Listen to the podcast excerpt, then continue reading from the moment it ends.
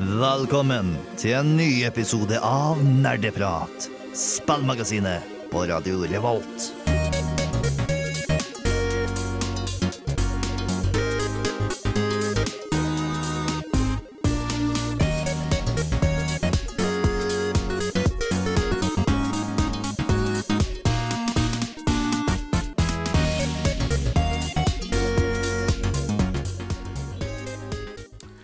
Og velkommen til eh, en ny episode av Nerdeprat. Eh, I dag er det ikke Håkon som er i studio, men eh, jeg, Bård, som er programleder. Med meg i studio så har jeg Anna? og Tai. Og med oss så har vi istedenfor en flunkende ny gjest, tror jeg. Hei til deg. Hei, hei. Hva heter du? Jeg heter Ole Marius. Så gøy. Og du er også medlem av Studentmediene, så vidt jeg husker. Yes, sir. Yes. Uh, vi skal få høre litt mer om uh, hva hvorfor du er der, og hva vi skal prate om. Men eh, før vi kommer så langt, så skal vi høre en ny en låt. Vi får høre 'Southside Fade' av Bridgie her på Radio Volt. Vi skal nå høre fra en mann som er veldig langt unna hva han syns om programmet Nerdeprat på Radio Revolt. Nerdeprat er veldig gøy! Vi snakker om nerdeting og dataspill! Sånt liker jeg! Takk for det, mann som så veldig langt eh, borte. Eh, denne uken så skal vi prate om eh, simulatorspill. Men før vi kommer over på det, så kan vi prate litt om hva vi har gjort siden sist. Kan ikke du starte, Anna? Ja, jeg kan starte. Eh, jeg em, har jo vært veldig glad i å spille Ghost of Tsushima i det siste. Og akkurat nå har jeg tatt meg en liten pause fra det, for jeg begynte å merke litt på det som Håkon, eh, som ikke er her i dag, har sagt han ikke liker med sånne åpen verdensspill, som er det med at ting kan bli litt gjentagende etter hvert. Og selv om verden er veldig stor, så er jeg enig i at den kunne føltes fullere ut, på en måte. At det hadde vært flere forskjellige ting som skjedde, og flere forskjellige folk du møtte på. Ikke bare alltid at å, når du redder denne peasant-personen, så har de alltid samme animasjon og bare takk, og så samme liksom antall linjer, og så bare oh, jeg reddet deg, gå. Så jeg tok meg en liten pause fra det. Eh, og um, ja, jeg har ikke spilt så mye i det siste, egentlig. Det har vært mye skole. Så jeg driver og lader opp, tror jeg, spillebatteriene mine framover i god tid før eh, Cyberpunk. Ja. Fordi da tror jeg må i hvert fall, hvert fall da når det kommer ut og jeg kjøper meg og laster den ned, da tror jeg første dagen går til mesteparten egentlig å spille det. Så jeg må få gjort unna litt sånn skolearbeid i tide. Eh, hva med deg, Tai? Eh, jeg har heller ikke spilt så mye i det siste. Eh, Jeg har jo eksamen neste uke. Så uh, istedenfor å lese, så sitter jeg og ser på The Office. Eh, så jeg er, veldig, jeg er veldig lei meg at jeg ikke har begynt å se på det før nå, fordi faen, det er så bra! Det er så morsomt å se på, og jeg koser meg veldig. Og en liten fare med The Office syns jeg at det er Episoden er på 20 minutter, da, så det er alltid sånn En episode til. Så plutselig er klokka tre på natta. Så jeg har ikke lest en dritt hele dag, da. Så det er jeg litt lei meg for. Ja, det skjønner jeg godt. Eh, Ole Marius, du har jo ikke vært her siden forrige gang, men kan ikke du si litt om uh, hva du har spilt i det siste? Eller hva du har gjort i det siste? Jo, jeg har spilt veldig masse i det siste i forhold til vanlig. Det er jo eh, Skal vi se. Jeg har spilt, jeg har spilt Jeg begynte, begynte på igjen på Half-Life Alex i VR. Ja, for du har jo VR-headset. Ja, altså, det blir, det blir mye, det, da. Altså, men jeg lasta også ned Warhammer Vermintide 2. Og det viste seg å være veldig gøy. Det har jeg. Det er veldig gøy. Eh, eneste problemet er at jeg tror det er sånn 90 gigabyte for ikke 90 gigabyte med innhold. Å ja, det er sjukt svært. Jeg skjønte ikke Men jeg bare satte den på på natta og sto opp og spilte den. Sånn, da. Ja.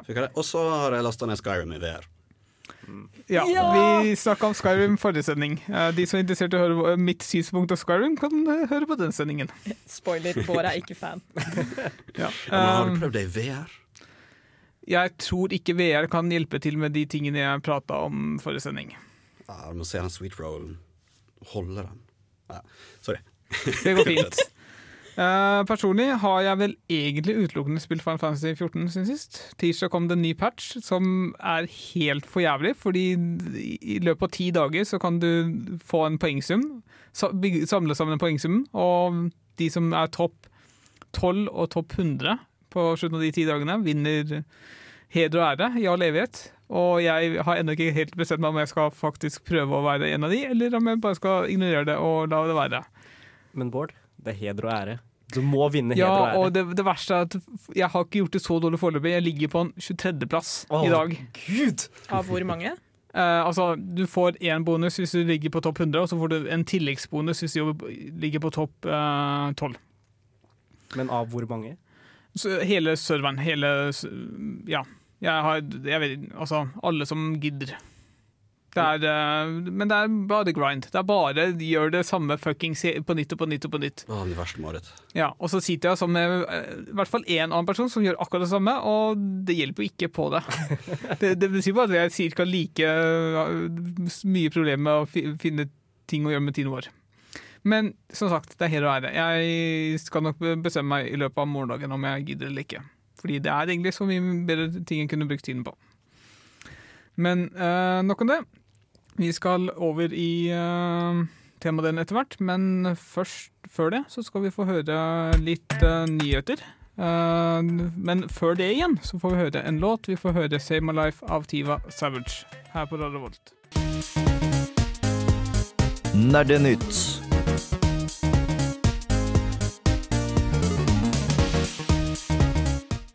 Ja, da skal vi få høre litt uh, Nerdenytt. Anna, kan ikke du starte det? Jeg kan starte her. Uh, ja, dere vet jo at uh, NTNU de forsker, og noen ganger forsker de på ting som har med spill å gjøre, faktisk. Uh, og NRK skrev nylig, uh, publiserte en artikkel på nett i går, om at det er gjort et studie på spillavhengighet og psykiske vansker ved NTNU nå. Og eh, altså, for litt bakgrunn, da. I fjor så ble Internet Gaming Disorder det ble godkjent som en egen diagnose av Verdens helseorganisasjon. Eh, Det er en veldig ny diagnose, men man har jo sett at de eh, symptomene holdt jeg på å si, som er inkludert, da, det er noe som går igjen hos ganske mange, spesielt barn og unge da, verden rundt, etter hvert som digitale spill har vokst og blitt en så stor greie som det er i dag. Eh, Og dette NTNU-studiet, som ble ledet av ei som heter Beate Hygen, det undersøkte sammenhengen mellom barn som hadde sånne IGD-symptomer, og psykiske problemer som angst, depresjon og ADHD. Altså hvorvidt det var en sammenheng da, mellom om barn hadde dette. Uh, og denne artikkelen ble publisert i The Journal of Child Psychology and Psychiatry, som er en ganske høytstående journal, egentlig. Så det var uh, tydeligvis et ganske bra studie. Jeg har jo ikke lest det sjæl, men jeg fikk jo lyst til å gjøre det nå, da, for det er et spennende tema. Uh, og det ble jo faktisk ikke funnet noen sammenheng her da, mellom IGD og senere psykiske problemer. Eh, Faktisk ble det funnet at 10- og 12-åringer som ble studert også så ut til å ha disse eh, spillavhengighetssymptomene, to år senere ikke hadde like mange symptomer på angst. da. At de hadde færre symptomer på angst sammenlignet med jevnaldrende. Så ja, jeg syns det var en god nyhet å starte med, fordi det er NTNU og spilling. Ja. Jeg, sa jeg jobba jo i kommunikasjonsavdelinga. Jeg satt faktisk i stad rett før jeg kom hit og satte bildet inn i den engelske versjonen av den saken. Å, du gjorde det! Herregud! Det er en liten verden, ass. Rart, det. Eh, så ja, det er jo enda holdt på å si, et lite slag tilbake mot den frykten mange har for at det å drive med spill skal ha veldig negative konsekvenser, spesielt for barn og sånn. Og det her viser i hvert fall at det ikke nødvendigvis vil forsterke angst, da, i hvert fall. Det er veldig bra. Det Dette, det er en kamp som fucking aldri slutter. Den der nå ja, Videospill råtner i hjernen din. Det er bare Vi blir aldri kvitt det, altså. Nei, eh, man skal alltid være litt sånn konstruktiv og forsiktig så klart med å si verken det ene eller det andre, men det er viktig å forske på sånne ting. Og i og med at det er en veldig ny diagnose, den Internet Gaming Disorder, så føler jeg at det er enda viktigere å forske på den i de videre årene.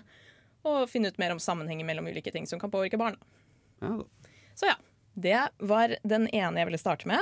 Eh, Den andre er en liten oppdatering på denne konflikten rundt Fortnite mellom Epic Games og Apple. Fordi den fortsetter jo fortsatt, for de som ikke vet det. Um, Epic Game Store har så langt mistet ca. 60% av spillerne på IOS-plattformen. Altså ja, eh, mobiler, da, basically.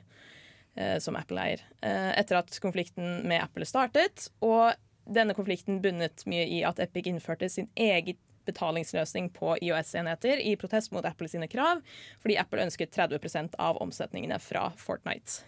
Eller var det også generelt Epic-spill? Apple krever 30% av alle transaksjoner som er gjort på iPhone. Ja, Og det de, de, de nekter å la deg gå gjennom dine egne betalingsløsninger. Betalingen skal skje gjennom Apple, og de tar 30% Hvis ikke så skjer det ikke. Da Ja. blir du fjerna. Eh, og det var jo ikke Epic enig i, så de ville innføre sitt eget betalingssystem. Eh, og Apple har jo ikke fått lov til å fjerne Unreal Engine fra enhetene sine, men de fikk rettslig lov til å fjerne Fortnite fra AppStore, som ble fjernet 28. august, og nå er Epic veldig imot det, fordi, som de sier, da eh, ca. en tredjedel av spillerne deres. Altså rundt 350 millioner nedlastninger som har vært på Fortnite-spillere eh, på spill, har vært på IOS-plattformen. Eh, altså av totalt 350 millioner nedlastinger så har 116 millioner vært på IOS. Var det jeg prøvde å si. Apple gone Apple, altså. Ja, eh, Så hvorvidt Fortnite skal eh, tilbake på Apple Store, det avgjøres da den 28. september, tydeligvis. Ja, det blir Så stay tuned. Ja. Uh, ja, og enda en liten nyhet før, hvis vi rekker, Bård. Ja. Yes. Eh, det er at det er en trailer ute for et nytt Zelda-spill. Eh, ikke et helt alenestående spill, da, vil jeg merke, fordi det heter Hyrule Warriors Age of Calamity. Har dere sett den? No. Nei. Eh, finner sted 100 år før handlingen i Breath of the Wild. Og altså, det er et Hyrule Warriors-spill som vil si at det er ikke rent åpen verden akkurat som det er i Breath of the Wild. Det er mer sånn kjemp mot masse fiender på en gang. Og du kan ikke bare spille Link, men også Zelda. Eller de andre championene i Breath of the Wild. Så selv om det ikke er en ren oppfølger akkurat til Breath of the Wild, som er det de fleste går og venter på, så er det jo noe som forteller litt om historien før det spillet. Og mange gleder seg til det òg. Men er det sånn standalone, eller må du ha Breath of the Wild i tillegg? Det er vel et eget spill, er det ikke? Jeg tror det er litt standalone i og med at det er en annen type combat, men det finner jo sted i samme setting, på en måte, bare 100 år før hoveddelen av det som skjer i Breath of the Wild. Ja. Men jeg må ikke ha Breath of the Wild for å spille det. Nei, det tror jeg ikke. Nei, eh, Utviklet av Koei Tecmo. Og det er jo ikke de som utvikla Breath of the Wild. Nei, jeg tror det er samme som har utvikla Hyrule Wars, Ja, som kom ja. ut tidligere. Ja, det er det, for det er liksom samme serie som det. da. Men er det samme sjanger, liksom? Er det samme løpe rundt, slå ting? Eh, det er en god blanding, tror jeg, av Du må tenke litt taktisk, men også bare slå løs på masse fiender av gangen.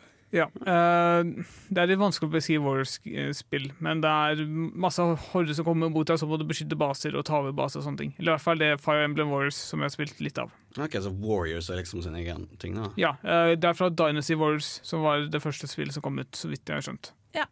Eh, men i hvert fall Age of Calamity det vil være tilgjengelig på Switch fra den 20. november. Ja. Det var interessant nytt. Eh, Vi burde kanskje også nevne at de sa at the Wild 2 kommer og er på vei, men at vi, de ikke har så veldig mye å si foreløpig. I den videoen hvor det her ble annonsert, så sa de 'vær tålmodige, vi jobber med saken'. Ja.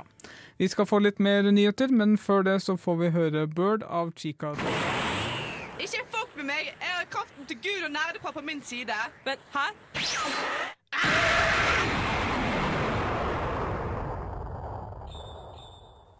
Vi skal høre litt mer nyheter før vi går over på temadelen. Anna, hva annet er det som har skjedd her i verden? Eh, nå har det jo skjedd noe som mange har ventet veldig lenge på. Det er at både pris og lanseringsdato for de neste Xbox-konsollene har blitt sluppet. Har dere fulgt med på pris, tilfeldigvis? Jeg har fulgt med. Nei. Jeg, jeg, har- jeg har fulgt mest, mest, mest med på memes. Ja, det, dem er det jo også veldig mange Ja. av. Folk har, jeg føler at folk har sava opp sånn der, en folder med memes hvis den er kjempedyr, eller memes hvis det er Nei, nei, eh, design-memes. Ah, design Så de, har, de, de nå har kjøleskap, wifi-ruter og høyttaler. Ja, fordi nå er det to Xbox-konsoller som blir sluppet. Tai, har du lyst til å si noe om dine tanker på Uh, vil du si prisen på de først? Ja, fordi altså, ok, For det første, Xbox Series X det er jo den som ble annonsert for lenge siden. Det er kjøleskapet. Det er den største og kraftigste, og den vil ha eh, en veiledende pris på 5499 kroner og slippes 10. november. Eh, og det er den største med mest harddiskplass og det hele pakka. Støtter opp til 120 bilder i sekundet, sånne tekniske ting. Og så har du Xbox Series S, som er den mindre versjonen. Og den vil være uten diskplass og har lagringsplass på 512 GB og har en veiledende pris på 3299 kroner. Kan du gjenta det på nytt igjen? Du sa uten diskplass, men allikevel har lagringsplass? Ja, nei, eh, når jeg mener eh, Den har ikke CD-rom. diskplass, så me- me- mener jeg CD-rom, ja. Ja. Takk. Fordi jeg tenkte disk som Ja. engelsk. Okay. Ja, eh, Og så vil den også være tilgjengelig fra 10. november. Men prisen der er jo forholdsvis lav. Altså, Prisen for disse er jo knallbra for det du får. Mm, det Altså, er billigere enn PS3. Det hørtes ut som en salgsmann, Takk. Du, hallo. Jeg er jo eh, som kjent eh, ekstremt eh, negativ overfor konsoller fordi det er glorified, billige, dårlige PC-er. Men nå er det faktisk ikke det lenger. Nå er det faktisk knallbra. Så det skal dere faktisk ha. Eh, Jeg syns faktisk den billige versjonen av den nye Xboxen er ekstremt god deal. Fordi Xbox skulle, komme jo, skulle også komme med Xbox All Access, Ja. som er Xbox GamePass på steroider. Ja, ja, ja, ja, ja, for det hadde jeg tenkt å eh, si videre. At med Elkjøp så tilbyr Microsoft eh, et abonnement hvor man får både konsollen, Xbox GamePass Ultimate og IA Play. Eh, og GamePasset da, det gir deg tilgang til over 100 spill. Ikke bare på konsollen, men også på PC, fordi Microsoft har begge deler. Og i tillegg så inkluderer abonnementet Xbox Live og skyspillingstjenesten Xcloud, som gjør at du kan spille fra skyen. Så du får veldig mye her. Um, og for de som er gira, så er det ikke noen norsk pris ute ennå. Men amerikansk pris er på 35 dollar i måneden på Series X og 25 dollar i måneden på Series S. Eh, og bare legg merke til at det tydeligvis krever to års bindingstid til abonnementet. Well, wow, det er jo huh. Det ble litt hype. Ja, altså- være. Og det her var fra Pressfire, da, Jeg glemte jeg å nevne. Men det er liksom, vi får eh, oppdatering etter hvert her i Norge også på pris, vil jeg regne med, for eh, eh, når det kommer til norskeprisen på, på abonnementet her, da. Ikke bare konsollene for seg selv. Så jeg har sett litt sånn der, Jeg har sett litt på de rent tekniske aspektene. da. Hvis du ikke bryr deg om sånn 4K-kvalitet gaming på 120 FPS, så trenger du ikke en eh, kjempedyr Xbox til 5500 når du kan kjøpe en til sånn Var det 2500? 3? Uh, ja, for Series S så er det tre Eller 3,3, da. 3,3. Det kan jeg fint leve med, altså. Du får jo du får forts Det er bra nok specs på den til å kunne spille spill i 1440P på 120 FPS, og det er knallbra. For å få den tilsvaren på PC, så ville jeg sagt at du kommer på, på rundt sånn 8000-9000 kroner, altså. Men da har du en PC i tillegg, da. Master Race. Jo, men altså, her, som det ble nevnt, da, så har du jo da tilgjengelig spill både på PC og Xbox, så det er en veldig bra deal. Jeg har hatt uh, Xbox GamePass på PC, og det er legit, altså. Jeg var, jeg var litt skeptisk, men jeg har spilt så masse gode spill for sånn fem kroner, liksom. Det er helt Ja, Så nå gjenstår det å se om Sony kan matche det her for PlayStation 5. Det vet vi jo ikke ennå. Nei, og det vet vi, vi vet vel ikke helt hvor, når vi finner det ut av det heller. Nei, det er et mysterium. Ja. Det var alt vi rakk av nyheter for denne gangen. Vi skal høre en eh, låt før vi går over til temamodellen. Dere får nå høre 'Birthday Feet Kilani Sid' av Disclosure her på Radio Volt. Incoming! Du hører på Nerdeprat!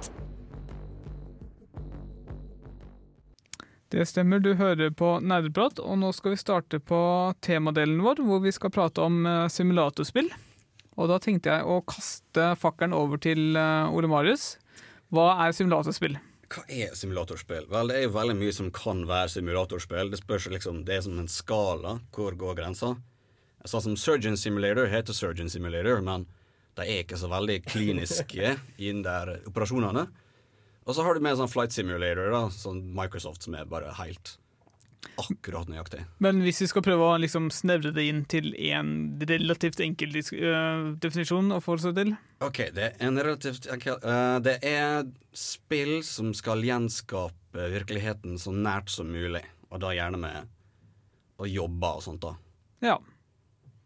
Jeg vil si det høres ganske bra ut. Men så har du jo noen litt sånn ytterkanter, da. For eksempel Goat Simulator. Ja, sant. Hvordan passer den inn i defi- definisjonen din? For meg så blir det litt sånn eh, Jeg er ikke så glad i Goat Simulator, altså. Ikke heller. Og det, det er ikke fordi det er parodi, det er fordi det er dårlig parodi. Det blir Ja. sånn Sharknado som bare prøver å være dårlig med vilje. Ja. Og da blir det Det ødelegger litt sjarmen med det som er dårlig, dårlig bra. Ja. Men jeg vil, jeg vil si at eh, i dag så har jo simulatorspill som en sjanger Det har eksistert såpass lenge at det har blitt en egen undersjanger av simulatorspill som bare, som bare skal være dårlig og parodiere sjangeren sjæl. Derav f.eks. Goat Simulator. Vi kan komme tilbake til det senere. Men uh, poenget er at sjangeren er veldig bredt, og det er ikke kun realisme du må se på, men da- jeg tror du heller må se på det at du prøver å gjenskape Om ikke fiksjonell, men i hvert fall liksom prøve å si at okay, du er nå en geit som skal gjøre ting, og du har begrensninger som ville vært hos en geit. Kanskje.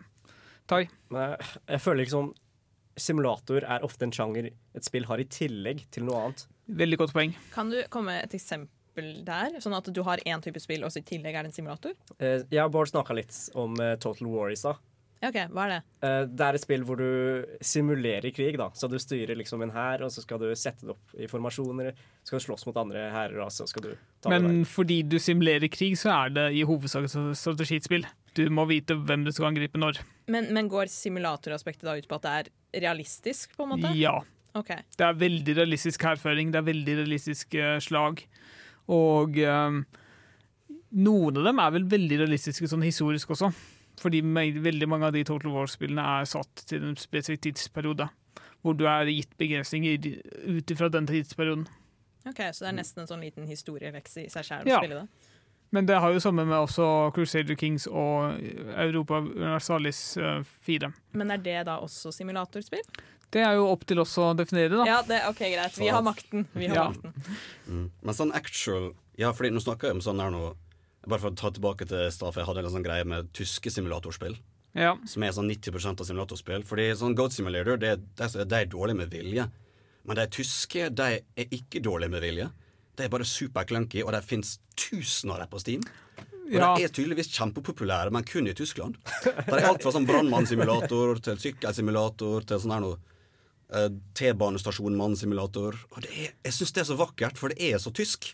Ja. Men spørsmål, Er det her at du liksom basically spiller denne ene karakteren som har den jobben, eller er det top down view? eh, Ja, Det, du, er, du er postmann. OK, du er postmann. Så det er liksom noen der, åh, Du har den tyskeren som bare åh, Uff, ja, I've been Finally, after 13 hour shift, I am home from uh, work at the Opel factory. I cannot wait to come home and play Opel Factory Simulator. ja noe, noe sånt. Ja, det bare, Det får deg virkelig til å føle deg som en tysk brannmann? Nei. det er jo alt som liksom det er. Alle yrker har også en simulator. Så du burde spille gjennom sånne spill før du flytter dit, det er det du sier. Eh, ja, ja, da tror jeg det blir tatt imot veldig godt. Ok, Så det er det- virkelig det vi kan få ut av simulatorspill. Er sånn kulturell lærdom. Ja, eh, jeg gjorde et veldig kort søk forrige uke på simulatorspill, og der fant jeg på Google bildesøk Autobahn Police eh, Simulator. Ja. Så av en eller annen grunn så har Tyskland en uh, merkelig uh, interesse av uh, veldig spesifikke simulatorspill. Det er ikke noe GTA i Tyskland. Det er bare sånn Å, kan du fullføre oppgavene dine i tide? Ja. Og imponere sjefen din? Men det er sånn, Vi har sakte-TV, de har simulatorspill. Ja, stemmer. Eh, vi, jeg tror vi har kommet fram til en sånn ish grei definisjon, så vi skal snakke litt om forskjellige underkategorier uh, nå veldig snart. Men først så skal vi få høre låta T, Feet Lo- Losky av J1 her på Radio Volt. Du hører på Nerdeprat, spillmagasinet på Radio Revolt.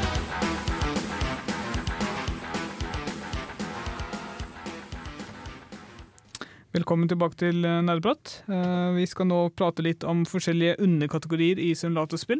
Det er, eh, som vi nettopp var inne på, så er det en del forskjellige. Så jeg tenkte vi kunne starte med den mest åpenbare og kanskje den mest populære. yrkessimulatorer. Ole Marius hadde noen gode eksempler på det. Search and Simulator og Primært Surgeon Simulator. ja. Men det er et veldig godt eksempel. Det er det, ja. For det, uh, en, personlig føler jeg i hvert fall at en av de tingene som har gjort uh, simulatorspill populære, er jo YouTube-folk, for eksempel. s- Og streamer og sånn. Og Surgeon Simulator var jo vinden for noen år siden i hvert fall. Veldig. Kanskje dabba litt av nå, men det er jo et ekstremt morsomt spill. For det handler jo ikke om at du skal få det så rett som mulig. Eller Nei. Det kommer faktisk en oppfølger veldig snart. Ja. Jeg gleder meg. Det er multiplayer. Shit, gjør det det? Herregud. Fordi Surgeon Simulator, da, da får du jo bare en pasient foran deg, og så får du liksom et oppdrag. Ja. Og så bare kan du gyve løs akkurat som du vil, egentlig, med ja, ting er at du kontrollerer armene ganske uavhengig Altså du, du, ganske direkte.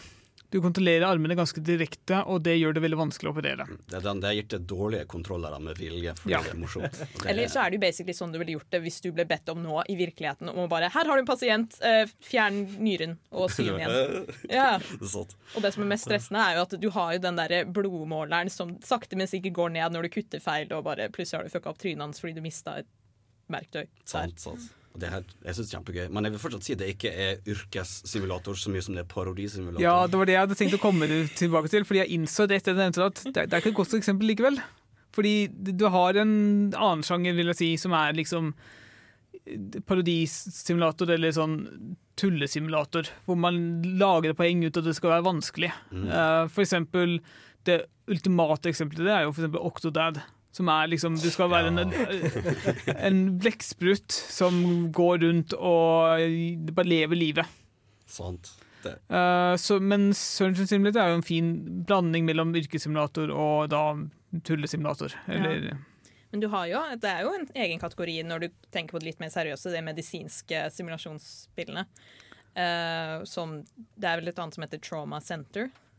Det har jeg ikke hørt om, dessverre. Det fins i hvert fall ja. ulike. Det er ikke bare Surgeon Simulator. Og så har du jo også hovedgrunnen til at vi har sending denne uken, som er Flight Simulator, som er en fantastisk eksempel på en yrkessimulator. Det er det. Hvor du da skal fly fly rundt omkring i hele verden. Det har jeg faktisk sett. eh, Av den nyeste flight simulatoren til um, Microsoft, så har jeg sett noen videoer på YouTube hvor faktiske piloter får testa det, som, som ikke har spilt det før, eller har spilt det før også, tester det og snakker om hvor realistisk det er og sånn. Er det noen av dere som har prøvd det ennå? Ikke det, nei. Jeg, Simulator for meg er bare sånn barndomsminne. Ja. Der vi ikke kunne engelsk og gikk i andre klasse og brukte en og en halv time, så fikk fly framover og krasja. Da var, det, da var vi ferdig. Eh, Det er på GamePass, så du kan prøve det når du kommer hjem. Eh, Jeg har vært litt for opptatt med Far Fancy til å prøve det selv, men eh, ja. En spørsmål, Har ikke det ganske høye krav når det kommer til grafikk? PC, og... jeg tror ikke PC-en din kan kjøre det, Anna. Nei, men jeg har en laptop, da.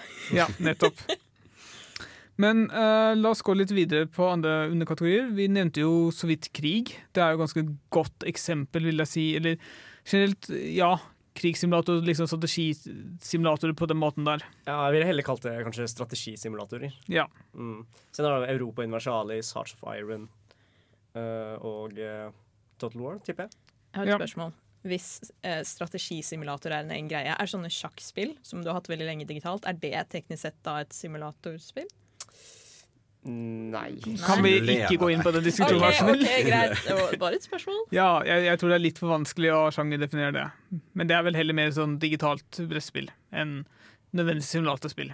Fordi dybden er litt uh, ikke-eksisterende i sjakk, vil jeg nok si. Hvis, hvis du bare ser brettet, så er det ikke nok. Men da er spørsmålet er Skyrim en Todd Howard pengeinntjeningsspill. Slutt! Slutt. Vi Ja, har, takk, vi har ja. snakka nok om Skyrim. De som er interessert i Skyrim, kan sette på forrige ukes episode. Eh, så, ok, så krigsspill, da. Det er en egen undersjanger. Ja. Eh, Men hva, hva tenker vi om Papers, Please? Det vil jeg si er en yrkessimulator.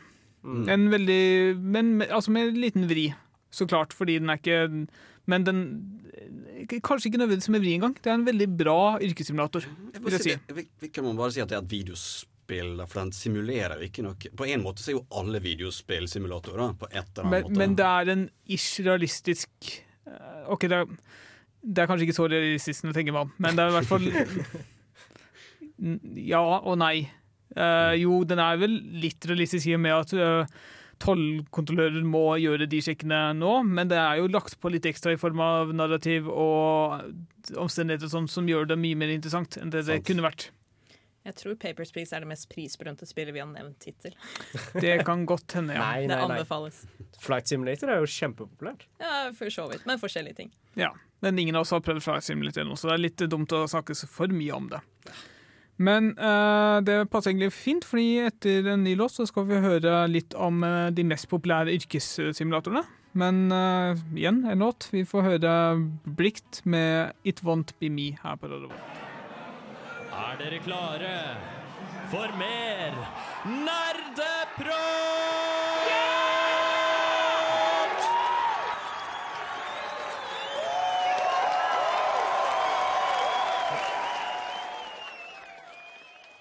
Eh, velkommen tilbake til Nerdprat. Vi prater om uh, simulatorspill, og nå vi, har Anna funnet en liste over de mest eh, populære yrkessimulat- eller simulatorspillene for oss. Så skal vi se hvordan den eh, utformer seg.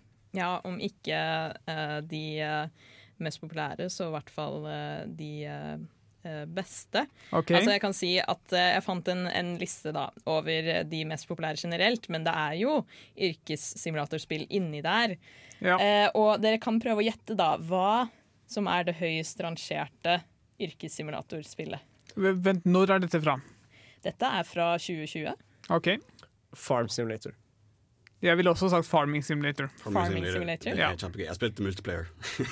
Jeg tror det er veldig mange i verden som vil egentlig bare bo ute på landet Ja. og drive sin egen gård. Eh, men på tredjeplass av alle de eh, totalt rangerte, da.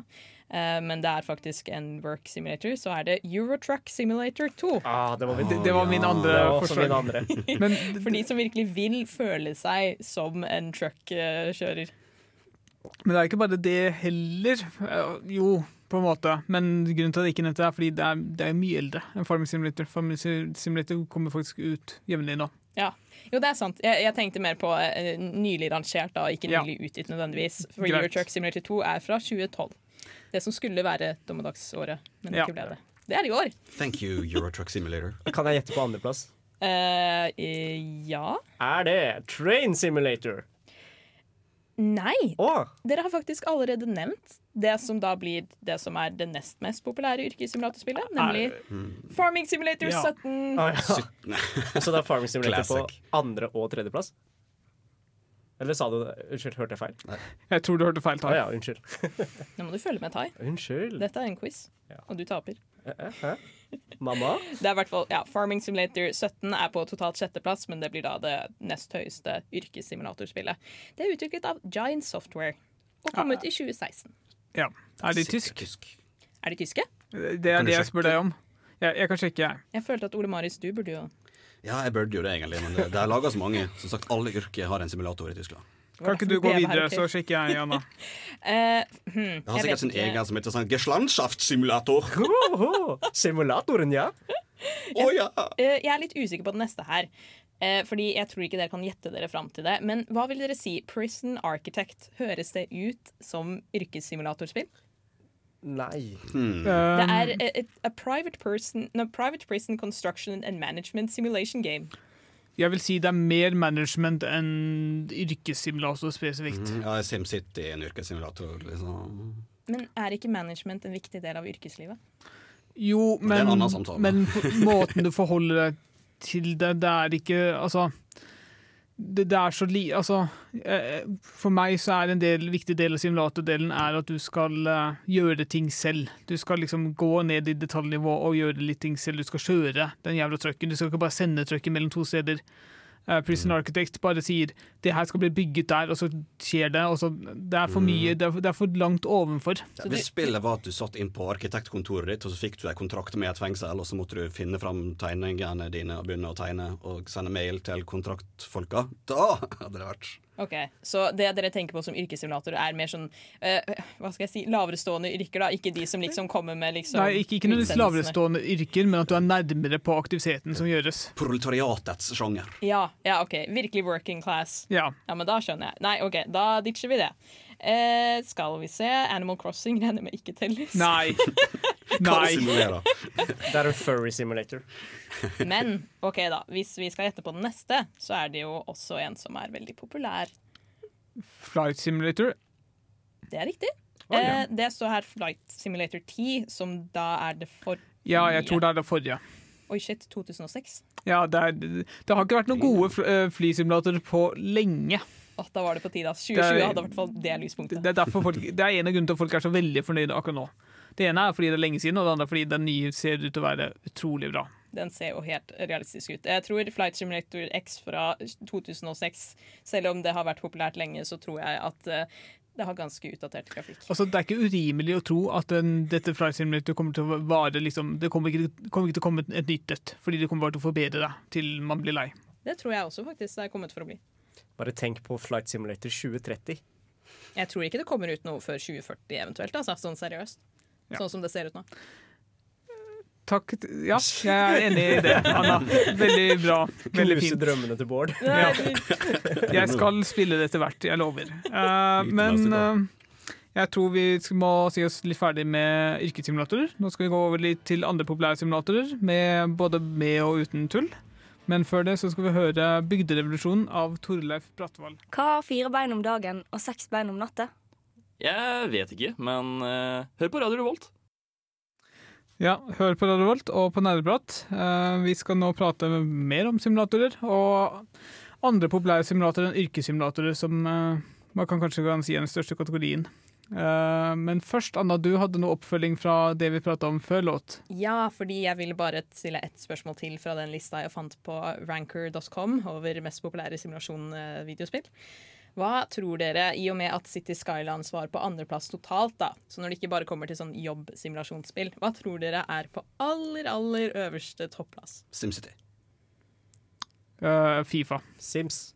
Sims 3. Ah, Tai! Sims 2. Tai, Tai er rett. Sims 1. Okay. Der er eh, The Sims 4. Og det står Life Simulation. Uh, det, det glemte vi å nevne i starten, men vi har med vilje utelukket Sims fra denne sendingen fordi Ja. det er for stort tema. Det blir en egen sending på et tidspunkt.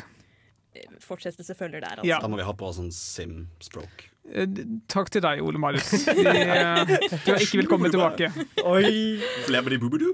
Men uh, for å starte ballen litt Uh, Et annet veldig populært simulatorspill som er utrolig bra laget, er Kerbal Space Program. Hvem, uh, hvor mange er det som har spilt der? Jeg har spilt. Ja. Jeg vet hva det er. Ja. Jeg vet ikke hva det er. Og Nei. ikke spilt. Det er, det er NASA-simulator, basically. Du har et romprogram. Du sender små Kerbals, som er nesten som lem, lemlims, eller noe sånt. Ja, det er, sånn, det er bare små grønne dudes, Ja. men ikke, ikke sånn alien-looking dudes. De er, de er veldig søte. Ja. De minner mer om Pikmin sånn- enn Gremlins. Pikmin høres riktig ut. Jeg hadde ikke tenkt å si gremlins, jeg hadde tenkt å si de der de du instruerer til å gjøre ting for Det, deg. ja, det er liksom så cartoony at du ikke blir så lei det når de dør i Ja. forferdelige eksplosjoner i ytre rom. Og de, også utviklings... eh, altså Utviklingen på spillet reflekterer også veldig godt hvor bra simulator det er, fordi de starta som liksom ordentlig simulatorspill. Du hadde liksom veldig lite mål, veldig lite eh, progresjon og sånt. Du bare OK, her kan du skyte opp en rakett til månen. Men så har det etter hvert lagt til OK, start med å bare lette fra bakken. Og så kan du lette, altså, skyte opp en rakett, og så kanskje havarere den, og sånne ting. Mm. Så veldig bra. Veldig anbefalt av meg, i hvert fall. Ja, jeg veldig glad utviklinga der. At du begynner, så er det bare Du får en haug med greier, og så skal du lage en rakett og kommer opp i lufta, og du vet ikke hva du driver med egentlig. Du, bare, du kan ta så masse dumme designs. Bare slippe en rakett på den, og så bensin på den, og så ni av ti ganger så bare eksploderer den. Ja, fordi jeg, jeg skulle spørre, Det er også en viktig del av simulasjonen eh, i det aspektet, føler jeg. At hvis du gjør ting feil, så bare shit oh, ja. blows up. Og det er hele. Altså, uh, Kerbal Space Program er bare alt går feil, the game. Helt til det hundrede forsøket, så kanskje du får til. Det sånn her når du klarer endelig missionet, får dyrene opp i verdensrom, uh, releaser shuttlen, det detter det mot jorda, og så bare har du satt feil avstand på når fallskjermen skal dette ut. I forhold til, fordi det var et fjell der han kom ned i stedet for ikke, så han bare får rett inn i Og så må du gjøre alt om igjen. Og det er veldig frustrerende. Men er dette noe som blir holdt oppdatert jevnlig i forhold til sånn teknologi som utvikler seg i dag også, eller er det et gammelt spill? Eller? Nei, det er, det er, for det første det er relativt nytt. Det kom ut av Early Access-type Jeg vil tippe Jeg har lyst til å si i fjor, selv om jeg ikke har datoen konkret. Ah, okay. uh, og vært i Early Access lenge. Og er relativt moderne. Du har uh, raketter liggende type det SpaceX holder på med. Du har mye forskjellig teknologi og sånne ting. Og du har veldig gode systemer. Altså, jeg har ikke spilt den nyeste versjonen, jeg har spilt noen av de eldre versjonene, men nå har du eksempel et jobbsystem hvor du liksom altså, Eller du låser opp forskjellige ting og har liksom oppdrag å gjøre. Så du har litt mer produksjon, du har ikke kun bare simulator. Eller det, ja. Det er ikke kun en sandboks, du kan gjøre hva du vil men det er faktisk litt sånn mål og mening, som i hvert fall jeg liker, da. I sånn type spill. Mm. Er målet å tjene noe penger på det her, liksom, eller er det bare å bygge ting riktig? Jeg tror liksom sluttmålet er, i hvert fall opprinnelig, så var liksom the, the end goal var å komme til månen. Eller munn, som det heter i uh, Curve Space Program. Nå har de fått flere planeter og sånt også å styre. og- Det kan godt hende det er etter jeg fulgte med sist. Men poenget er i hvert fall å liksom gradvis være mer og mer ambisiøs. Og være mer og mer flink. Fordi du må jo liksom kalkulere eh, hvordan, du, hvordan banen din er, og hvordan du kan påvirke den banen for å få akkurat det du vil. Og det er eh, Det er så mye å tenke på. Ja. Det, men det er derfor det er så deilig, da. Fordi når du endelig, endelig klarer det, så er det bare Men det er litt sånn, i mine øyne så er det litt mindre avslapnings. Det er ikke så mye yrkessimulator. Det er ofte avslapning. Du kan bare slutte å tenke og bare gjøre ting. Men så er det Du kan slutte å gjøre ting og bare tenke. Du må tenke liksom i et kvarter før du liksom får gjort ting riktig. Det er sant, da. Men ja, jeg liker det i hvert fall veldig godt. Det hadde vært kult om det ble holdt oppdatert sånn at OK, nå har du fått folk til månen, og neste mål er å få folk til Mars. Sånn type à la SpaceX. Altså, jeg det er det er gjort, da. Ja, jeg, altså, jeg vet ikke om de, de gir dem mulighet til å liksom lande og populere planeten, men jeg tipper at du kan i hvert fall komme deg til Mars og kanskje putte ut en sonde eller noe sånt. Jepp. Men eh, de har, ikke, de har ikke populering nå, men de har lansert en 2R, og der går den. Da kan du bygge kolonier og sånt. Annonsert eller lansert? Annonsert. De har Ja. en trailer. Lansert okay. har de ikke. Jeg, jeg kommer til å bli interessert hvis når du kommer fram, så blir det basically The Sims. Det kan hende vi kan få til det, Anna. Uh, vi går litt tom for tid, men uh, så vi skal fortsette å prate litt mer om uh, sære simulatorspill. Før det så skal vi få høre 'Forget Me' av Atari her på Radio Revolt. Men du hører på Radio Revolt her i Trondheim, studentbyen.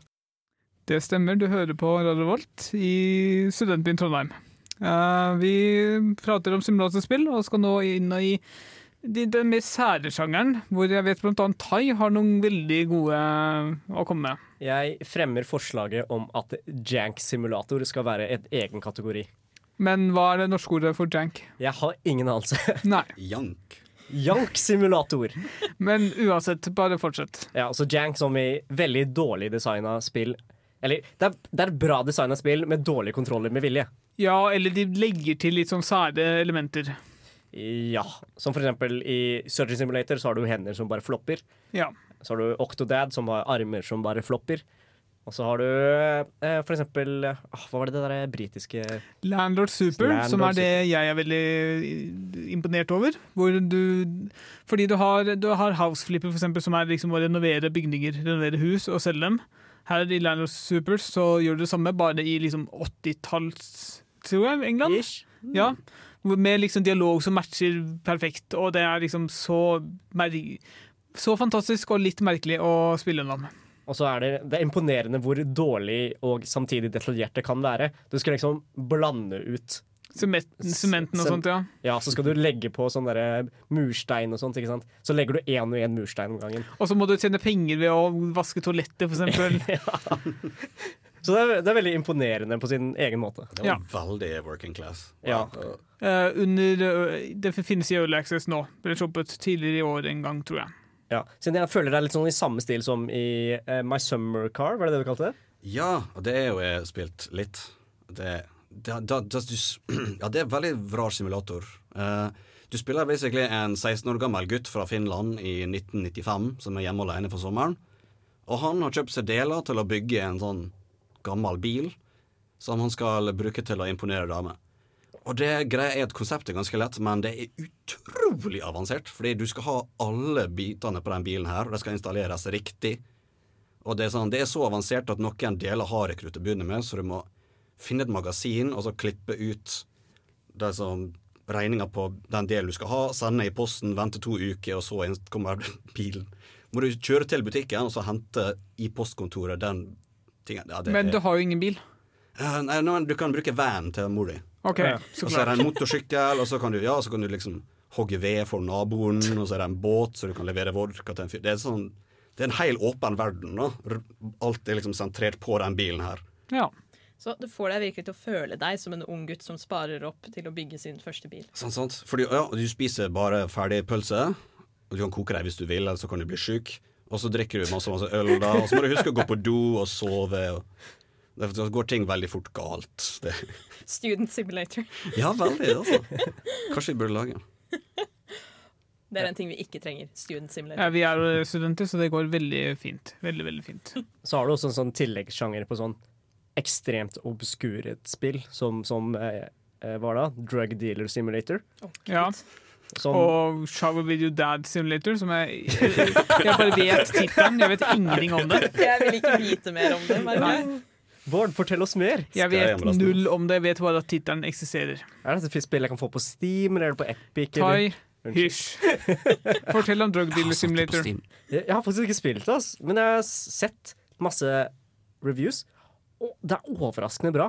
Folk sier at det er et godt gjennomtenkt spill som er kanskje litt repetitivt. Ja, men det er ofte liksom det man har, sitter med igjen med etter simulatorspill. Det er godt gjennomført, men ofte repetitivt. Sånn er jo livet, da. Dere. Det er veldig godt poeng. Spørsmålet er jo kan du, kan du spille drug dealer simulator og så gå ut og bli en drug dealer? Hvorfor kan, prøver du ikke det? Altså, jeg, jeg tror ikke det er så veldig mange forkunnskapskrav til å bli en uh, doplanger, så jeg tror det skal gå helt fint. Nå Hei, det tok meg-. Det tok meg fem år på skolen. Jeg jobber på apotek, forresten. Ja, eh, takk til deg, Tai. Eh, vi skal videre og prate litt om hva fremtiden, vi tror fremtiden kan bringe til simulatorspill, men før det så får vi høre 'Make a Problem' av Osu Lei her på Radio Volt. Hva er det du liker best ved studentradioen? Jeg hører alltid på studentradioen. Velkommen tilbake til uh, Nerdeprat. Vi prater om eh, simulatorspill og litt om hva fremtiden kan eh, bringe der. Eh, du, Ole Marius, du har jo VR-utstyr. Yes. Tror du det er fremtiden til simulatorer? Det, det er jo min drøm, da. Jeg håper jo det at alle disse her dårlige tyske spillutviklerne kan flytte seg til VR. Ja. Så jeg kan gjøre alle jobbene i Tyskland i VR. Men, men hvilken simulator har du lyst på i VR først? Ja, det blir jo fort uh, Show With Your Dad, da. Igjen, jeg vet ingenting om spillet, jeg vet bare at det eksisterer. Ken, who amongst us har ikke tenkt Men uh, tror du Octodad vil være lettere eller vanskeligere med VR? oh, Den er jo Hvordan skal du gjøre det i VR en gang? Jeg, jeg, litt, jeg husker ikke helt hvordan man styrer Octodad en gang. Jeg. Er ikke det sånn du, bruker sånn én lem med hver analog, og så Noe sånt, kanskje, ja. må liksom gjøre alt på én gang? Ja, for jeg tror du har liksom én spak per hånd, og så og, Men noe til- for at, Jeg husker ikke helt. Mm. Så det blir eventuelt hvis du bare Hvis du tar sånn nervegass først, da, og så spiller du det. Ja. ja. For, for å bringe det over på noe eh, litt mer eh, eh, Hva skal jeg si seriøst igjen? Beklager. Jeg, jeg kom på noe jeg la merke til da jeg så en av disse pilotene teste ut den nyeste Flight Simulator. Og det var at han bare åh, Når du bare sitter her og ser på skjermen og må flytte kameraet rundt, så får du ikke du virkelig sånn hodebevegelsene som du trenger når du egentlig sitter i cockpiten og ser deg rundt og ut av ruta og sånn. Så da tenkte jeg at det er jo noe som virkelig burde ha VR-support Å ja, nå. det er jo helt sykt Flight. Simulator. Ja. Det er vel ish Altså, de har jo ordentlig liksom, bilsimulatorer, så fly Altså, det er jo åpenbart flysimulator på liksom trening eh, treningsleirer og sånt for piloter. Ja, for det, Noe vi har glemt å nevne, tror jeg, det er jo sånne racingspill. Sånn type F1, for eksempel, Formula 1 og sånn. Det er jo også veldig populært. Og det er jo Jeg vet ikke om det kommer til å bli enda mer populært i framtiden, ja, men det er virkelig en av de som kommer til å vare, tenker jeg. da. Ja. Racingspill, sånn type kjørespill også. Mm. Men Det var hvis vi. Jeg har jo spilt sånn der noe escape room-spill basically der du er stuck i en bil og skal komme deg ut av et fly og sånt. Og det er liksom, bare, bare å se det rundt omkring og ta ting er Og kanskje simulatorspill kommer til å bli enda mer relevant nå framover fordi mange må holde seg inne. Ja. Fordi karantenetid og simulatorspill må jo virkelig gå sammen som hånd i hanske. Ja. Det er min drøm. da. Jeg vil at VR skal ta av. Men for å snakke litt mer generelt, hva tror dere som, hvilke forbedringer? Personlig så vil nok jeg sette veldig pris på med detaljer. Altså både liksom grafiske detaljer, men også liksom detaljer i det du skal simulere. Istedenfor altså, Farming Simulator har vel mer og mer jobber du kan gjøre, så vidt jeg husker. Og mer og mer liksom forskjellige maskiner, forskjellige dyr og ting du kan vokse og sånne ting. Det er jo der, jeg tror det er der gleden i simulatorspill kommer. At du, du gjør en jobb skikkelig, og så får du liksom bare gleden av at du Det å liksom lære seg å gjøre en ting riktig, og så gjøre den, er liksom sin egen glede. Ja, fordi liksom halve appellen til fra Simulator er jo alle knappene. Alle, altså det, det er liksom en ordentlig cockpit, hvor du har så mange knapper du kan eh, knote med og sånt.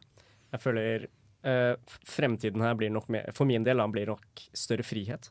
Hadde vært skikkelig skikkelig nice. Om jeg har lyst til å plante potetene mine i risen jeg har dyrket, har jeg lyst til å gjøre det. OK. Det sånn, Så du skal ha, lage en uh, plante potet i ris-simulator?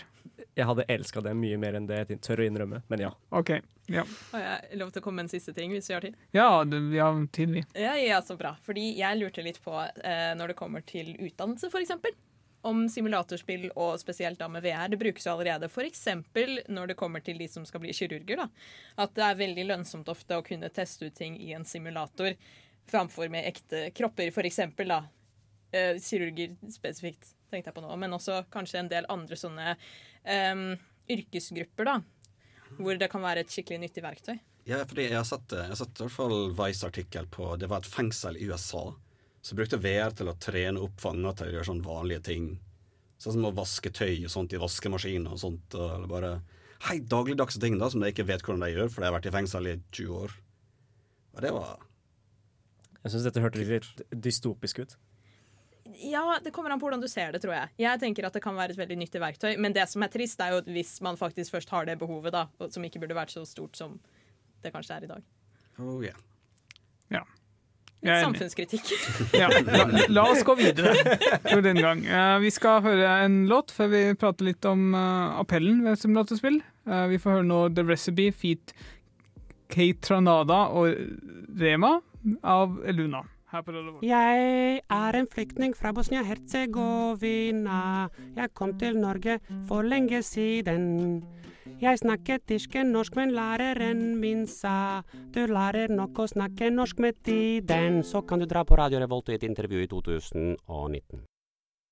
Uh, ja, stemmer. Uh, det er litt sent å dra på intervju med oss akkurat nå, men uh, gjør det neste gang. Så la oss eh, Vi har vært innom det som en rød tråd gjennom det hele, men la oss konkretisere litt. Hva er det som er så appellerende med simulatorspill? Hvorfor har vi lyst til å spille, hvorfor er det så populært? Og da har jeg lyst til å starte med Ole Marius. Igjen. Hvorfor er simulatorspill Ja. så populært? Det er jo, det er jo tyskere, da. Jeg visste det kom! Faen, jeg, jeg beklager. Jeg, jeg starter selv, jeg. For min egen del. Det er, det er, det er todelt. Det ene er um, det, det er veldig avslappende å bare gjøre monotone altså oppgaver som har Bare vanlige oppgaver.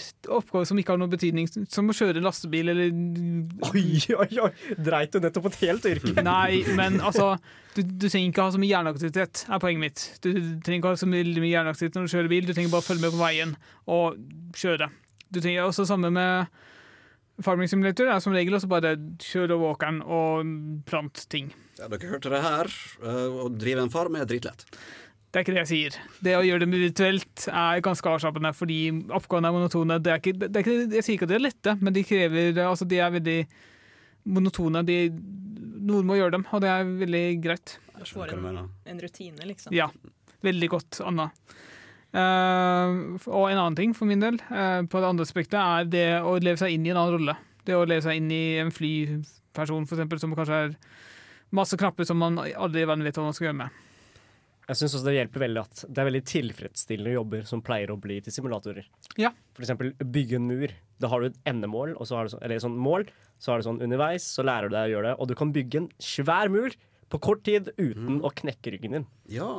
Altså, er, vi har ikke nevnt det tidligere, men PC Building Simulator er veldig ny, veldig relativt populær, og den er utrolig realistisk. Jeg som har bygget PC-er, det er akkurat sånn det gjøres i de fleste tilfeller, som er sikkert grunnen til at den har fått popularitet. Så det er et eksempel på eh, et spill som du kan bruke for å faktisk lære deg eh, hvordan du gjør det før du eventuelt gjør Helt det. sånn er det ikke. Du må jo kunne forstå liksom, hvorfor den pluggen går dit den går, men det er faktisk sånn Putt på CPU-skjøler, og så er det faktisk Og du må også huske å plugge den i hovedkortet. Du må faktisk uh, se hvordan altså, Jeg sier ikke at måten du ser på hvordan RAM er ødelagt, er realistisk, men mye av de stegene er uhyre realistisk. Mm.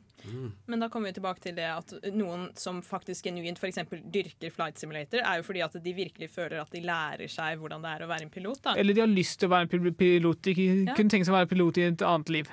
Ja, At de ikke kom inn på pilotskolen og så bare faen heller, det her det er nesten like bra. Eller jeg, jeg takler ikke alt ansvaret, så jeg bare flyr virtuelt istedenfor i virkeligheten. Det er ganske mange færre liv som du potensielt risikerer. da. Du kan ende opp i en uh, Snakes on a plane-situasjon, som er i slutten av filmen, der han ene fyren som er veldig udugelig, må lande flyet fordi piloten er besvimt. Så tror jeg også Og han har spilt veldig masse Flight Simulator hele filmen. Og det. Så tror jeg også det er en liten fordel at du kan kunne være pilot uten å måtte utdanne til å bli pilot. Ja. Uh, mange simulatorer har veldig god opplæring i ting. Altså, jeg sier ikke at den er realistisk til å liksom ta fatt på det i virkeligheten, men det gir deg muligheten til å lære deg opp i et annet yrke også. Til en viss grad, i hvert fall. Mm, det blir virkelig en hobby, da, på mange Ja. måter. Ikke bare spilling, men genuint mer enn en sånn type hobby. Hvor du lærer deg å Man kan gjøre jo, altså Det er nesten som Minecraft, hvor man liksom kan ha et sideprosjekt som er liksom bygget verdens største slott. Du kan liksom ha sideprosjekt. Jeg har lyst til å drive denne House Flipper-forretningen på siden, som et hobbyprosjekt i min digitale verden. Hvor du da liksom kjøper opp hus, pusser dem opp og selger dem igjen. Bare fordi du liker å gjøre det. Og i digitalt så koster det ingen penger å gjøre det, i motsetning til i virkelivet, hvor du må liksom flå deg selv for å kjøpe et hus. Ja, det var alt vi rakk for denne gangen. Eh, vi skal høre en ny låt før, vi, før ukas spørsmål kommer. Eh, da får vi høre 'Won't Belong' av Palace Winter her på Radio Volt.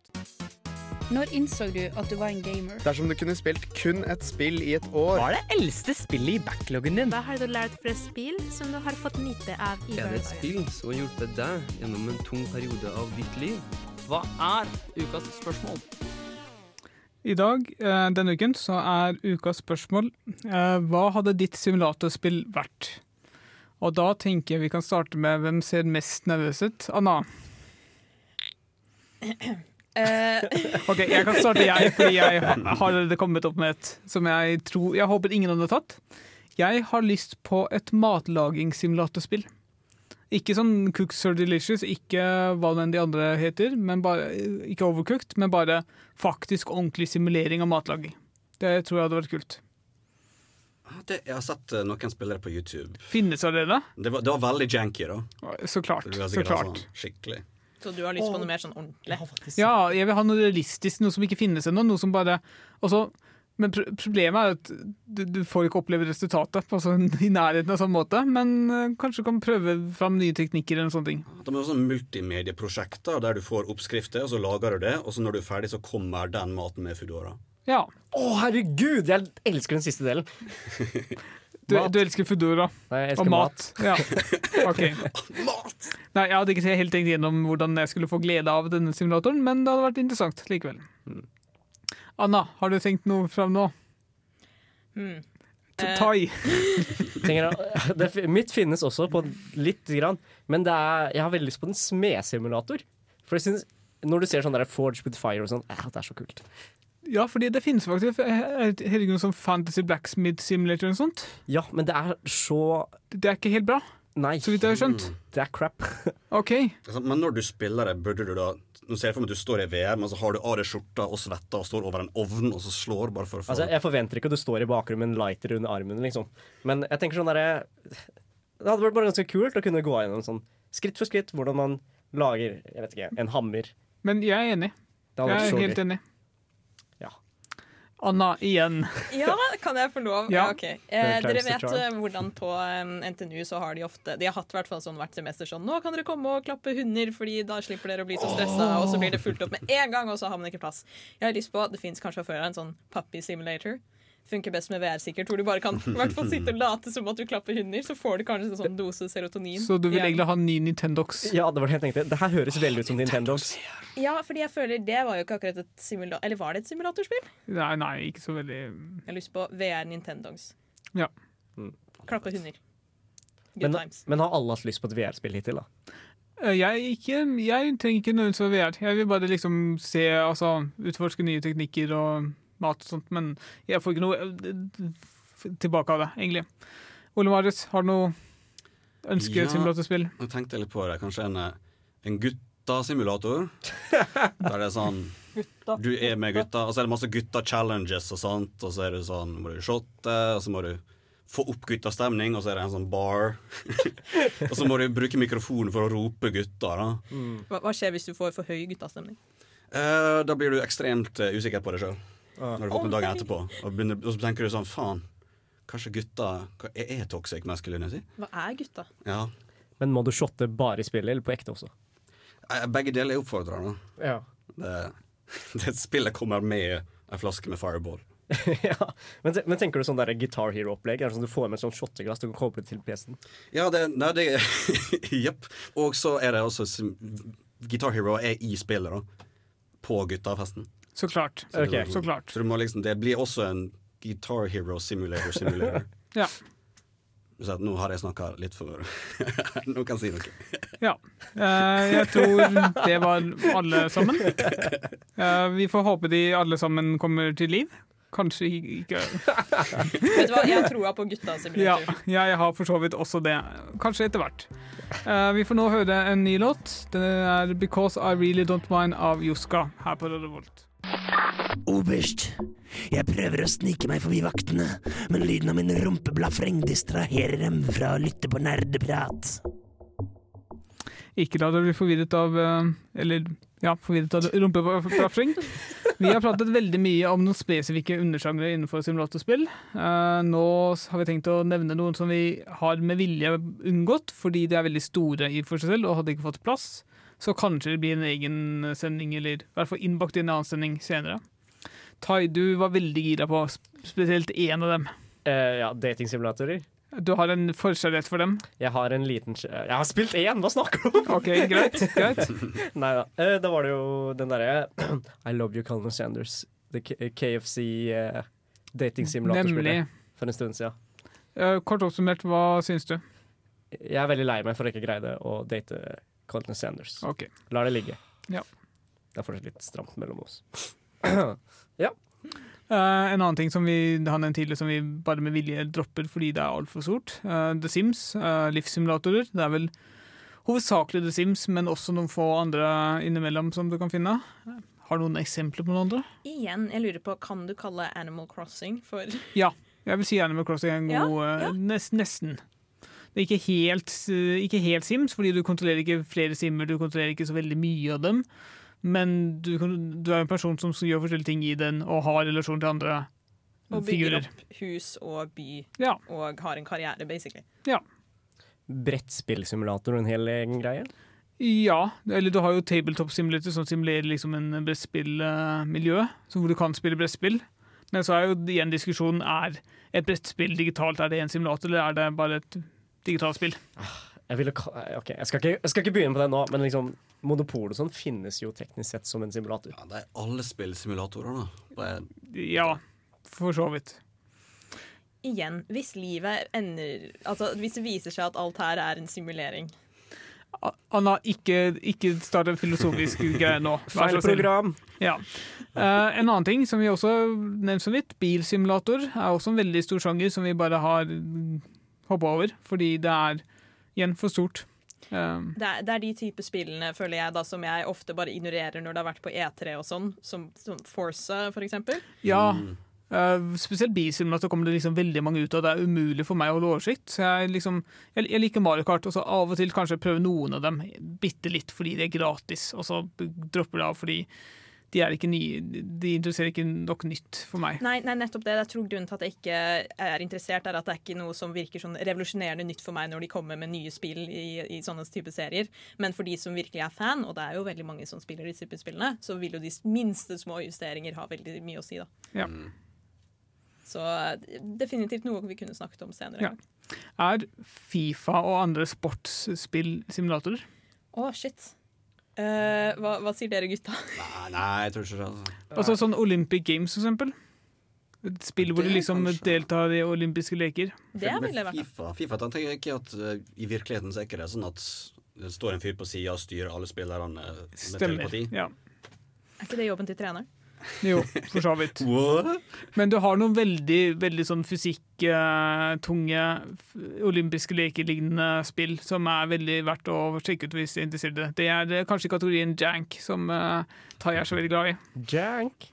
Hvor du blant annet skal styre hver lemme og gjøre til lengdehopp. Ja. Så har du QWERTY? Quop? QWERTY, tror jeg er riktig. Det er vel Nei, bare et sånn side uh, spill. det er et ekte simulat. Okay. Er det sånn det føles i gymtimene? Da du hadde det? ingen kommentar.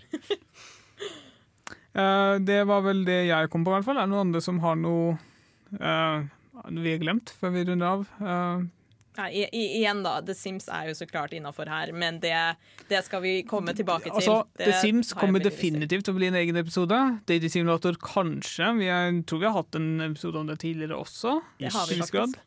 Så vi får se. Og kanskje også bil, selv om ingen av oss virker veldig interessert i det. Kanskje. Vi får se hva fremtiden bringer. Eh, vi skal få en liten eh, overraskelse fra Steinar etter eh, hvert, men før det så skal vi høre en eh, ny låt. uh, 'Rest Up' av Boy Pablo her på Radio. Er det en eh, Gameboy du har i lomma di? Nei, det er lommerusk!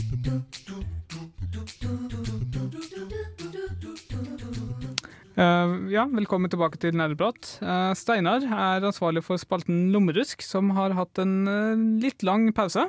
Men nå er han altså tilbake. Han har lagd en lommerusk for oss, selv om han ikke er i studio nå, som er veldig hyggelig av han. Så da tenkte jeg bare å sette på den og høre hva i all verden han har spilt på sin del.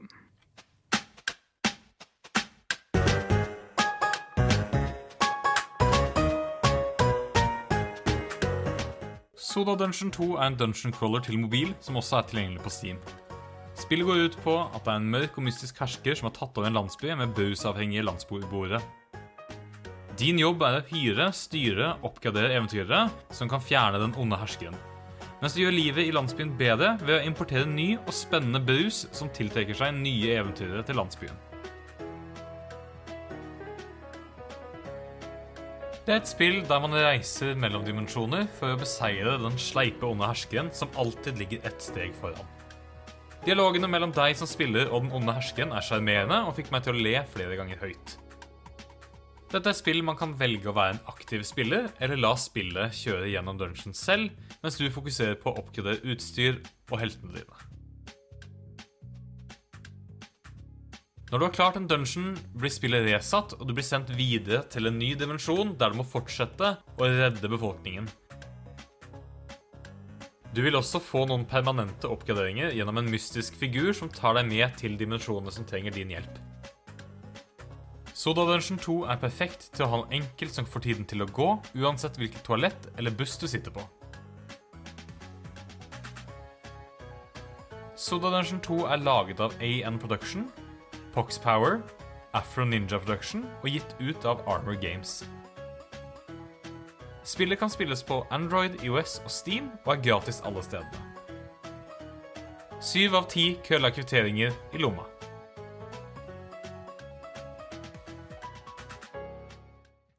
Takk for det, Steinar. Eh, For min egen del så hørtes det utrolig interessant ut. Jeg eh, er alltid på jakt etter en, eh, noe spill på farten. Selv om jeg har Nintendo Switch, så har jeg altså ikke den med meg. Så det har kommet godt med. Og det er gratis. Det er alltid en bonus. Ja, det fikk jeg ikke med meg, men det er jo helt fantastiske nyheter. Er det noen andre som eh, liker Dungeon Crawler? Ja, altså, er ikke, jeg føler dette er veldig sånn idle game. Det hørtes litt sånn ut i og med at du kunne ta pause og sånt, så kanskje ikke så Ja, ja jeg, jeg har lyst til å prøve det ut, for å se hvordan det faktisk matcher opp med forventningene. Ja, jeg har sånn derre love-hate relationship med idle games, hvor jeg spiller de altfor mye, og så brenner jeg ut, og så rører jeg det ikke noen gang igjen. Litt sånn har jeg også, faktisk. Jeg har holdt sånn. meg unna hele livet, egentlig, for for sikkerhets skyld. Det føles som, som crack. Jeg har sett søstera mi bare forsvinne i timevis ned der. Hvordan spiller er det? Ja, det var jo sånn Candy Crush og sånn, da, men det er ikke det som er greia. Nei, det er ikke- det er ikke det er game. Ja. Det er jo direkte avhengighetsskapende. Ja. Det er crack. Raid Shadow Legends. Men uh, ja, takk for det, Steinar. Vi gleder oss til å ha deg tilbake i studio igjen til å ha en lommerusk uh, live. Men, uh, siden, men nå skal vi få høre en låt før vi avslutter. Dere får høre 'When You Fall' av Jorda her på Radio Volt. Eh, vi, vi nærmer oss eh, ferdig for denne gang, men eh, før vi gjør det, så skal vi prate litt om uh, hva som skjer nå, hva som er aktuelt nå. Uh, og først og fremst så vil jo jeg påpeke at uh, Humble Bundle har en pakke med simulatorspill til salg, til en relativt eh, grei penge. Inkludert bl.a. Call of the Wild, som er en jaktsimulator, og diverse øh, Jeg husker jo ikke noen av dem. Jeg tror Culty Simulator er en av dem. Jeg tror eh, Call of the Wild DLC er der, og noen litt mer obskure. Blant annet med fransk revolusjon og litt annet. Call of the Wild, er det det spillet hvor du kjører en sånn eh, hundesledefører? Nei, Call of the Wild er bare jaktsimulator. Du går rundt okay. med gevær, og det er utrolig realistisk. Jeg har faktisk vurdert å kjøpe det lenge, og nå kan det hende at jeg bare gjør det i den uh, pakken her. Men det er en film med Harrison Ford der han har hundespann. Kanskje du tenker på den? Det er en relativt ny film som man kan se hvis man vil. Så du bare sa Call of the Wild. apropos jegere. Eh, det, ja, det, det er sant. Den, den som ble kjent for den veldig dårlige CGI av hunden. Ja, men den er fortsatt bra. OK, verdt det. Ok, jeg har funnet listen med spill nå. Eh, det som jeg har lyst til å påpeke, er eh, Elite Dangerous, som jeg ikke Jeg vet ikke helt om det er bra eller dårlig ennå, men det er i hvert fall et ganske godt kjent spill. Og PC Builder Simulator, som vi så vidt nevnte tidligere. Som, ja Alt det Den dyreste muligheten å betale er eh, 12,70 euro, men du kan også betale mindre for å få de fleste spillene. I tillegg så er det vel noen nye spill på Epic Game Store. Uh, ja, på Epic Game Store så er det vel uh, Where Water Tastes Like Wine som er gratis, og Railway Empire. Railway Empire høres veldig ut som et uh, simulatorspill. Uh, ja, sånn kinda ish. Det er mer sånn strategispill, men du kan kalle det et Du kan kalle det et simulatorspill. La, la oss bare gjøre det, fordi Ja. det er simulatorsending. Er det litt sånn som Ticket to Ride? Altså om å gjøre å bygge den lengste jernbanen? Ish. Du skal, du skal bygge rute Du får liksom oppdrag om å bygge ruter mellom byer, og så kan du kjøpe deg inn i ruter og sånt, så tjener du penger. Og. Det er et tycoon-spill. Sånne kapitalismeting. ja. Det er kapitalisme the game. Ja, eh, det er ganske mange av sånne typer spill, men det får vi bare Det er ikke så veldig nytt sånn, egentlig. Nei, eh, det er noe annet som et spill som ikke er nytt, men det som er nytt, er at det, skjer noe her i Trondheim i eh, morgen, faktisk. Som jeg hadde lyst til å bare annonsere for. Fordi eh, Jeg tror det har vært før også, men i hvert fall i morgen på Studentersamfunnet i Trondheim, som vi i Studentmediene er en del av, for så vidt, så er det en Mario Kart-turnering. Og det vil være i morgen eh, klokken Skal vi se Klokken ni, tror jeg det var. Ja, klokka ni til rundt midnattstid. Og det er åpent, men det er for medlemmer, da. Så hvis du som hører er medlem av samfunnet og kunne tenke deg å være med på noe som det er få plasser igjen på, står det på Facebook-arrangementet, som er gøy, og du får bryna deg litt på Mario Kart hvis det er din greie. Og kanskje møte noen av oss. Ja, fordi Håkon, som ikke er her i dag, han sa at han skulle være der, og jeg har meldt meg på nå. Så kanskje vi kommer til å ende opp eh, nerdeprater mot nerdeprater. Ja, Da er det lov å si at dere har slått en nerdeprater i Mario Kart. Altså, Håkon vet jeg er eh, supergod i Smash, men jeg vet ikke helt når det kommer til Mario Kart. Så det blir spennende å se. Ja. Jeg tror han er ganske god der òg, for så vidt. Så er det også viktig å legge til at hvis du ikke er medlem av samfunnet, så kan du faktisk kjøpe medlemskap. Det ja, går også du kan alltid kjøpe medlemskap. Ja. Ole Marius, har du noe du har lyst til å si sånn på tampen av sendingen? Ja, ja. I challenge everybody to beat me in the Mario Kart. I will leave you in the dust. I will destroy you. Ja. Uh, It is I, Luigi. takk, takk for det. Det tror jeg var en veldig fin eh, avrunding på denne simulatorsendingen, hvor eh, Ole Marius simulerer en tysker. Eh, ja. Uh, la oss uh, takke for oss for nå. Ja. Dere får høre på veien ut uh, Amphetamin Freak av Vladimir Dibusjkin. Ha det bra. Ha det bra. Bye, bye. Du har lyttet til en podkast på Radio Revolt, studentradioen i Trondheim. Sjekk ut flere programmer på radiorevolt.no.